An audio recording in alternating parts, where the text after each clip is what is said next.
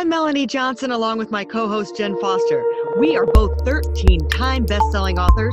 We've published over 2,500 books and made all of our authors number one bestsellers. We own Elite Online Publishing. If you want to become a best selling author, look us up at eliteonlinepublishing.com. Now, welcome to the podcast that shares secrets from top industry experts that show you how to get lasting success and results. This is the Elite Expert Insider Podcast. Hey everyone, it's Melanie Johnson here for another great podcast. Jen is on vacation in the Bahamas. Good for her. So, um, we have a special guest today. Um, first of all, before we get started, I want to remind you to subscribe to our podcast in case you haven't done that already, because we always have great things that you can learn, be inspired, motivated, educated from, and you're want to want to share that with your friends, family, whoever that you think it applies to. So, also, if you're looking to write a book and become a number one best-selling author and use it for a marketing and advertising tool, uh, get in contact with us. And just a reminder, someone told me the other day, they, you know, I'm going to write this off on my taxes, right? I was like, I forgot to tell people that you can write when you write a book the whole process of publishing and marketing the book can be written off on your taxes because we're getting close to tax season. So just keep that in mind if you're buying advertising of any sorts that you can write it off from your taxes. So today we are going to dive deep into sales. Okay, so everyone's trying to sell something. You're either trying to sell yourself, you're trying to sell a product or a service, you're trying to sell an idea. So no matter what you're trying to sell, you are in the right place today because sometimes we always hit a roadblock of how to close the sale, how to present the sale, how to sell something you've never sold before. So that's a great thing that we're going to lead into today. So my guest is Joseph uh, Fung. Thanks for coming today, Joseph. How are you? Doing really well, Melody. Thanks for having me. Sure. So tell us a little bit about you, your company, and your background and how you got started in this. Oh, for sure. So I'm an engineer by training. I've started, run, sold five software companies, had a blast. The most difficult part was always scaling the sales organization. How do you get people on board who can speak about the product, the problem with as much passion as the founding team? And it was always so tough. And as we worked with more companies, our most recent product was a bit of sales technology. We heard that it wasn't just me, every tech company was struggling with the same thing. So we launched an academy to help close that. And so right now we run Uvaro, a tech sales training academy where we help people build, polish, burnish their sales skills, and then connect them with tech companies that are growing rapidly. So we get to help people hone those sales skills every day. And I got to tell you, it is some of the most fulfilling work I've ever done. I love that. So you're in that tech niche, but what you said, we had a little conversation before we started today mm-hmm. of how tech companies think they have to hire people with a technology background to sell their services. And you were dispelling that myth, saying that's just not true. So let's talk about that a little bit. Totally. So two big things that pop up on on the the sales rep side, someone who's getting into a sales role, they're often apprehensive. Hey, if I'm selling technology, do I need to learn how to code? Do I need to really know the inner workings of the product? And when the product says it's got AI something, that's very intimidating. And the reality is, it couldn't be further from the truth. The second thing is we talk to a lot of executives and founders who say, hey, we sell a complex product. You know, it's a business product. There's a lot of bells and whistles and features. We need someone who's already been selling software. And the reality is, it also couldn't be further from the truth. Often, what that's masking is the fact that they don't have a robust training program internally. And so we help close that gap. We help people understand how they could sell without having to be a technical expert. And we help tech companies learn how they can make the best of that kind of talent without just having to try and steal and chase and seek talent who's already at a tech company. You know, I think that's so smart because if you have a company, especially if you're doing a startup, you should do it mm-hmm. right when you get started. And if you're already established, is do you have a sales training program, period? Um, I know we just created a sales manual that walks people through step by step that you can hand someone who is selling, like you said, oh my gosh, we have a guy who was selling Harley Davidsons that we got a job selling technology and selling software. So maybe the tip is really to have these companies have that program, like you say, you need something that can train people on their products and services, and they should have that anyway. Totally. And I'm not surprised that we got here because so many tech companies are founded by guilty as charged engineers See? And we graduate from an engineering program, and in our heads, we think, well, we've been playing with code for years. We went through this four or five year program, and we've been building things for a decade before that. We have all this rich expertise, and so we hire engineers with all this expertise. And then as founders, we go and we say, well, well, crap, I gotta sell now. I'm gonna find someone who likes talking to people. And that's the qualification they look for. And of course, it doesn't work. We don't go out and say, hey, I'm gonna find someone who also has a four year degree, because a four year degree in sales doesn't exist right now. Less than 2% of colleges and universities have any kind of sales training, let alone a full degree. And so across the tech industry, we've woefully under equipped our sales teams. And so that's why I love looking to other industries, folks who have built their sales talent in real estate, in publishing, in mm-hmm. advertising, in businesses where they really build up that talent and then bring them in technology because when you can teach them those technical terms, they can speak and and walk and interact in the right way. They just blow through their quota. They grow the business, and it's it's a huge win for both sides. I would say like the aha that you're giving me on this is, hey, like if if I was particularly thinking that I wanted to transition into sales, and there's a lot, of, there's huge money in tech sales and software sales. Mm-hmm. I mean, uh, and, and, security. Um, I know that that's a big, big industry. So my advice would be to, gosh, uh, research that verbiage and research what they're trying to say. So at least when you walk in the door, you sound like you know something about the company, something about the product. You say there's uh, three top sales practices that you really recommend. What are those three practices? For sure. And it's really funny because uh, when people hear that, like, oh, the three big practices, they think there's a methodology or a book or, or some kind of quick hack. Uh, but the things will, will, often really surprise you. Uh, the first one is learning how to weave your story, your own journey into your sales conversation. You know, how do you connect authentically?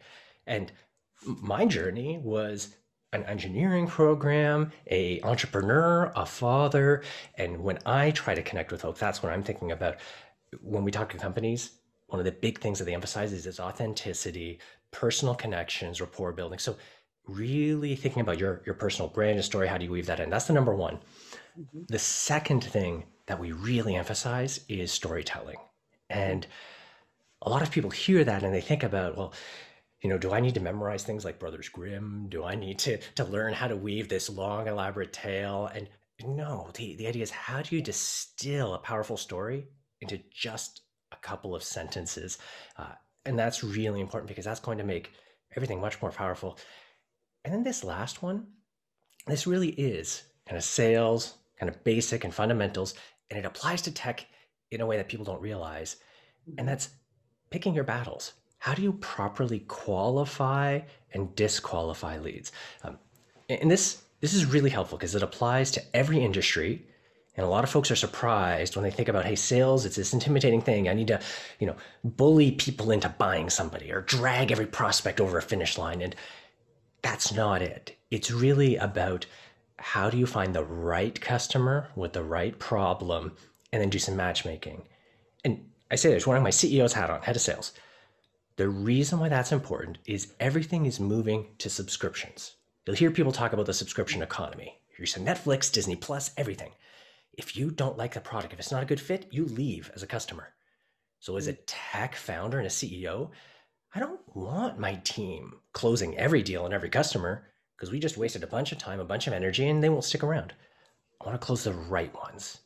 And that's a hugely liberating thought, but getting comfortable with the idea of early on in a sales conversation, being able to make that difficult choice is this an opportunity where we solve a problem, where we're a good fit, and being comfortable saying to a prospect, you know what? I think you're going to be better served with this competitive product or with an entirely different solution or doing nothing. Being comfortable doing that gets it out of your pipeline and you feel better because you're no longer trying to misrepresent. You're no longer trying to force a deal. You're actually helping the customer. And that's the third really big thing that's so often a surprise for so many. You know, that happened to me this week. We had a customer who came to us who had a terrible publishing experience with another mm-hmm. company. And she'd already spent a bunch of money. And she came to us and said, Can you fix this? But then she was really out of money. And I read her contract and I said, Actually, they didn't fulfill their contract. you need to go back to them like, hey, I'd like to help you. You know, you can spend some money with us, but really you're best served going back to them. And you really feel better when you tell a client that, like, hey, you don't feel guilty. You're not trying to jam something down their throat that either is too expensive for them or isn't a good fit for what they're doing. It's almost a relief and and giving that good value. And I love what you said about storytelling too, because we are all about telling story and having your story. And it's so important to be able to do it authentically. I think that's so mm-hmm. true. Now you said like sales has kind of morphed through the generations and and today's climate is so different than 20 years ago. Um, what do you think is really different? One of the really big things, and it, when I say it, it sounds like a platitude and a truth, but there's some some details to it. We are awash in data, and a lot of folks have used phrases like you know selling is art and science you know what is what is the math what is the data behind selling but i think it's really valuable to pause and reflect on what that means. You know mm-hmm. we're, we're in a world where we could sell remotely. There's tons of research that businesses are comfortable spending. So 80% of businesses are comfortable spending up to $50000 without meeting a rep in person. So that means we're using tools like zoom like we're using right now. We're using online callers and all those dialers. And i start there because all of these tools track data automatically for us. Mm-hmm. Which means now, as a sales professional, I don't have to rely on my gut or my sense. I can go to the data and I can say, hey, am I more successful when I call people on Monday or Friday? Am I more successful if I have a 15 minute call or an hour call? If my subject lines, when I send a cold email, if they have four words versus 10 words, am I more successful? And so, just this pattern of systems that track the data for you, so now you can make really good decisions, that applies to everything. I mean, sales makes it easy because you've got such a high volume. But if you think about your customer support, if you think about a job search, all of these things are true. So, I've seen candidates who go through our program and they go, Hey, these technologies, I use them in selling, I can use them in my job search. So now I'll send a video when I'm applying to a job and I know if they've opened it or shared it internally.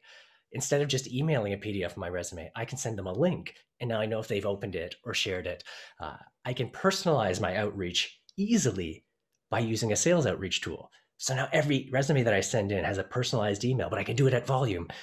So, yeah, all of this data and technology means as sales professionals, we can just make better decisions, whether you're selling tech or not but these skills are going to start spilling out everywhere job search, marketing, across the board.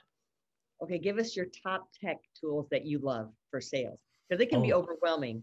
Totally. that. I'm going to choose two tools. Two tools. The first, easiest. This is a quick, easiest one. It feels like a big behavior change, but super easy. And that's using video. And there's a ton of tools out there. My personal favorite is Vidyard. Gives us all the functionality that we need and it integrates with everything but you could be using Loom, BombBomb, Wistia. Uh, but these tools make it very easy when you're sending an email to include a brief video clip. And the reason why it's so powerful is number one, you get all that great data. So you know if they're seeing it, where they're engaging, what's happening. Two, you get to build more rapport. And then number three, a really surprising thing this isn't true the first time you do it, but by the time you do it the third, the fourth, the fifth time, it's easier to record and send a video than it is to craft that email. And right. it's such a delight. So that's the first one. The second thing I would share is uh, a sales engagement tool. And again, there's a ton of them. Mm. Uh, VanillaSoft, uh, Outreach, SalesLoft. Uh, these tools simplify and automate the process of opening an email client filling it in with a, a form or a template, the email address, the name, tracking it, reminding you to follow up. These are all things you can do yourself manually, you know, just mm. using Gmail, just using Outlook. But by having a tool that automates it, two things happen. Number one, you just can get through more. I've seen the same rep using the same outreach, but using an automation tool, reach out to four times as many prospects with the same time. So that's a huge performance increase. And number two, it lets you prioritize better. Because if you need to get 10 emails out, you've, you've only got a window, you got 10 emails. If you waste that time hunting down the email, copying and pasting a template, hitting send, editing, all these stupid fiddly things, you're not spending the time personalizing. Now, how are those? What did you call it? Vanilla soft? no. VanillaSoft is one. Uh, fantastic tool, covers a lot of areas. Outreach is another, and SalesLoft is another. How are those different than, um, say, Constant Contact or MailChimp? Are they different than that? They are, absolutely. That's a great question. So, a lot of Constant Contact and MailChimp and, and newsletter tools are Mhm. used to send one email to a large audience. Right. And, and that does serve a purpose in a business. I'm not ignoring that.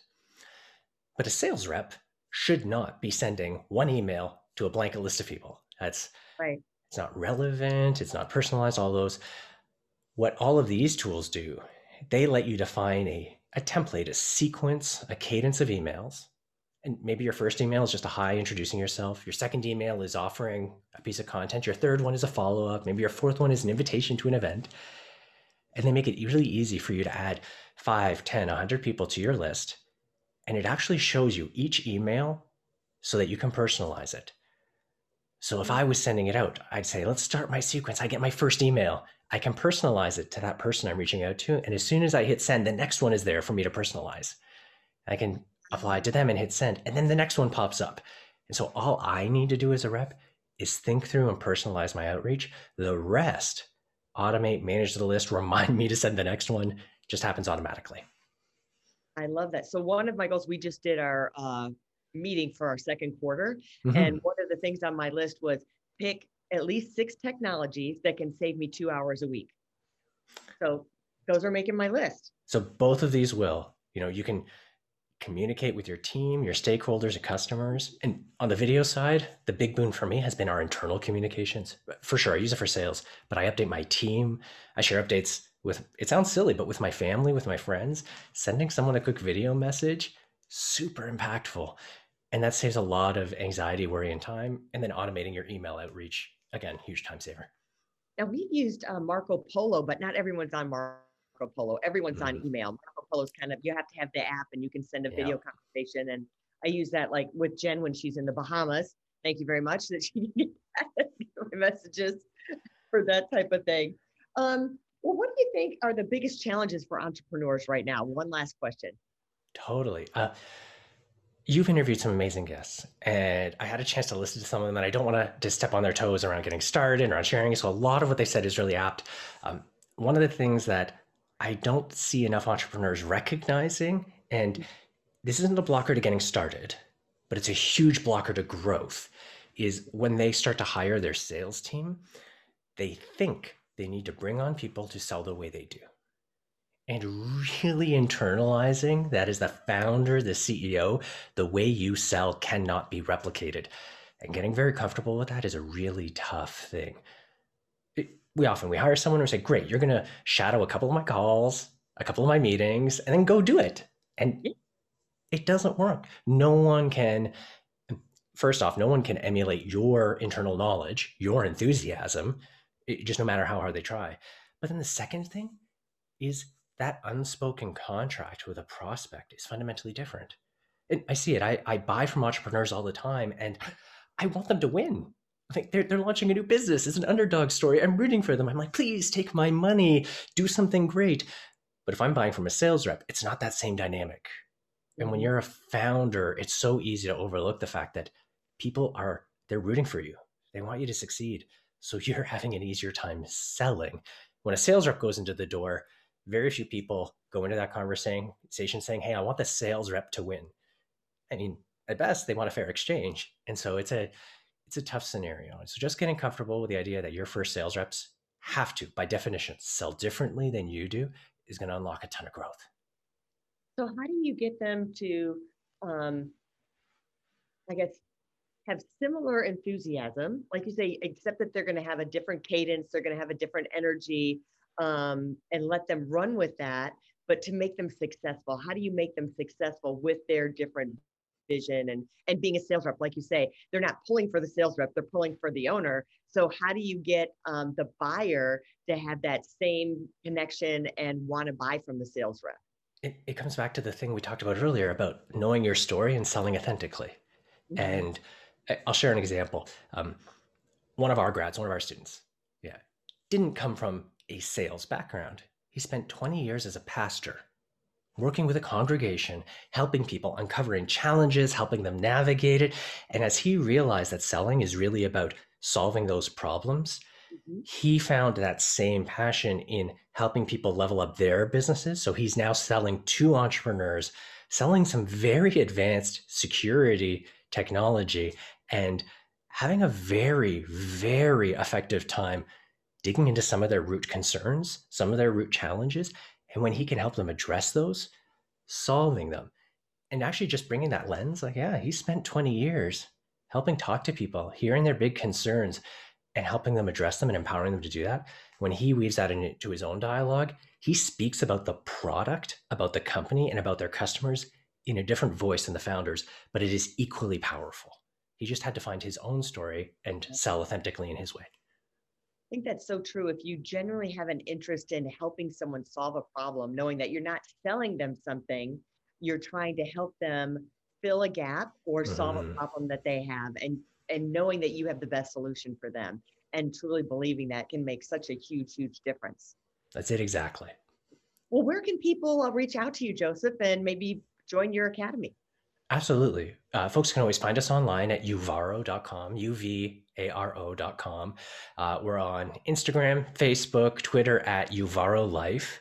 Uh, and I'd encourage people to check out our YouTube channel because that's where you could see some of the really amazing customer success stories and actually see some of our classes in action. And we're on YouTube at Uvaro. Oh, I love that. Definitely check that out because if you get some free training in there along with it, you can get a, a little bit more of a mm-hmm. picture of what he does before you join up. So thanks for joining us today. And remember, if you're writing a book and want to become a number one bestseller, contact us at Elite Online Publishing. We help all of our authors make uh, number one bestsellers and teach them how to use their book as a marketing and advertising tool. It's not just about the royalties and the book. And we'll see you next time for a wonderful uh, podcast where we get inspired, motivated, and educated. Make sure you subscribe. We'll see you next time. Thanks. Hey, are you looking to increase your revenue, build credibility, and elevate your brand? This podcast is brought to you by Elite Online Publishing, an innovative publishing and full spectrum marketing company. They will publish and market your book to make it a number one bestseller.